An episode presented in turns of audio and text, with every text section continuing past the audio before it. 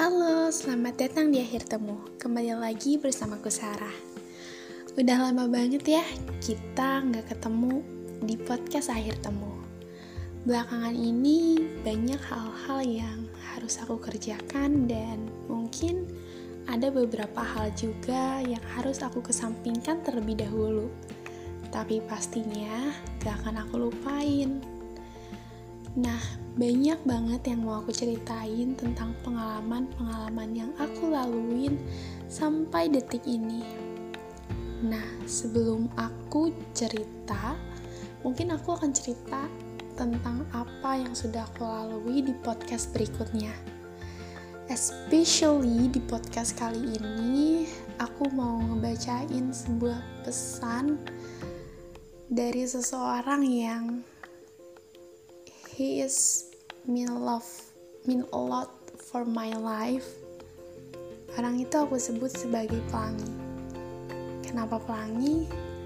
Karena dia adalah warna baru dalam hidupku.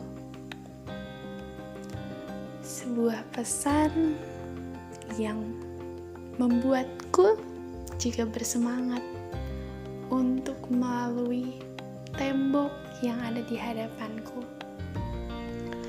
Aku pernah membaca sebuah quotes.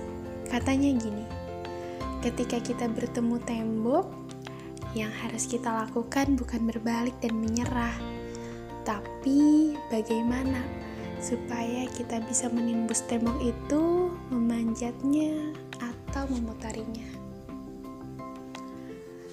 Pesan dari seseorang yang dikirimkan melalui email kepadaku Subjeknya wall, tembok. Isi pesannya seperti ini. Dear Siti Sarah. Hai sayang, selamat malam. Seperti biasa, aku menulis email ke kamu setelah hari aku anggap selesai. Beberapa pesan aku tulis di dalam buku yang selalu aku bawa ke mana pun Aku tidak ahli dalam hal mengingat, tapi aku ahli dalam hal membaca. Tidak hanya membaca tulisan, sering kali situasi, atmosfer, suasana, seseorang, dan dalam beberapa hal aku bisa membaca apa yang akan terjadi dua langkah ke depan. Aku tidak tahu ini kelebihan atau tidak Aku hanya berusaha untuk bisa mengontrolnya, dan aku gunakan sesuai kebutuhanku. Walaupun sering kali aku terlalu over dalam menganalisa apa yang ada di sekitarku, apa yang akan terjadi. Yang terjadi selanjutnya adalah aku keluar dari jalur yang seharusnya aku lalui aku mengerjakan apa yang tidak seharusnya aku kerjakan, dan aku terlalu membuang waktuku untuk memikirkan dibanding melakukannya. Aku cenderung khawatir atas apa yang akan aku lakukan, karena pada usiaku yang sekarang, aku lebih banyak membuat keputusan yang hasilnya langsung kepada kehidupan banyak orang. Aku bukan lagi sekedar mahasiswa yang hanya memutuskan pilihan dari soalku itu A atau B. No, lebih dari itu. Aku selalu beranggapan ada atas perahu, dan aku adalah kaptennya. Perusahaan yang sedang aku pimpin ini harus mengarah kepada jalan yang benar. Ini tidak mudah. Aku lebih menyukai metafora perahu dan lautan. Aku belum menemukan yang lebih baik dari metafora ini. Kehidupan ini ibaratkan laut, sayang. Dan aku berada di atas perahu yang berada di lautan yang aku sendiri tidak tahu kapan datangnya ombak, kapan datangnya gelombang besar yang sewaktu-waktu bisa menghantam perahuku menjadi terbalik atau kapan waktu aku berbenturan dengan kapal lain. Mungkin saat ini aku berada di arus yang cepat. Ada beberapa karang yang aku harus lewati. Angin yang kencang terus-menerus mengganggu perhitungan arah yang benar. Di atas semua ketidakpastian laut yang besar ini, aku berpegang pada satu istilah kuat di dalam dunia laut, bahwa laut yang tenang tidak pernah melahirkan perahu yang hebat, tidak pernah melahirkan pelaut yang hebat.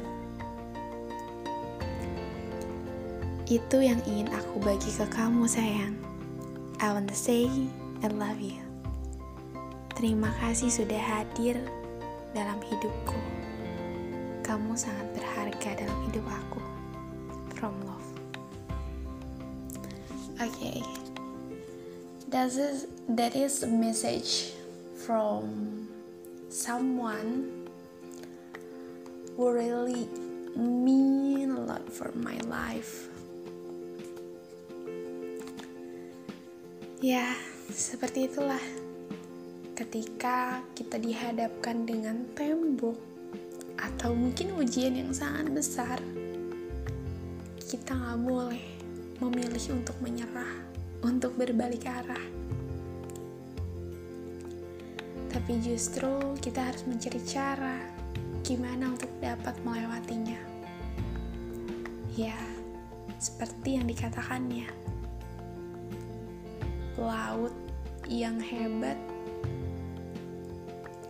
tidak dilahirkan dari laut yang tenang.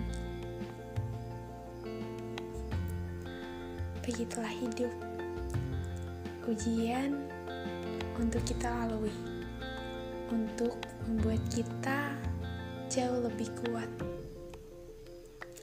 Oke, okay.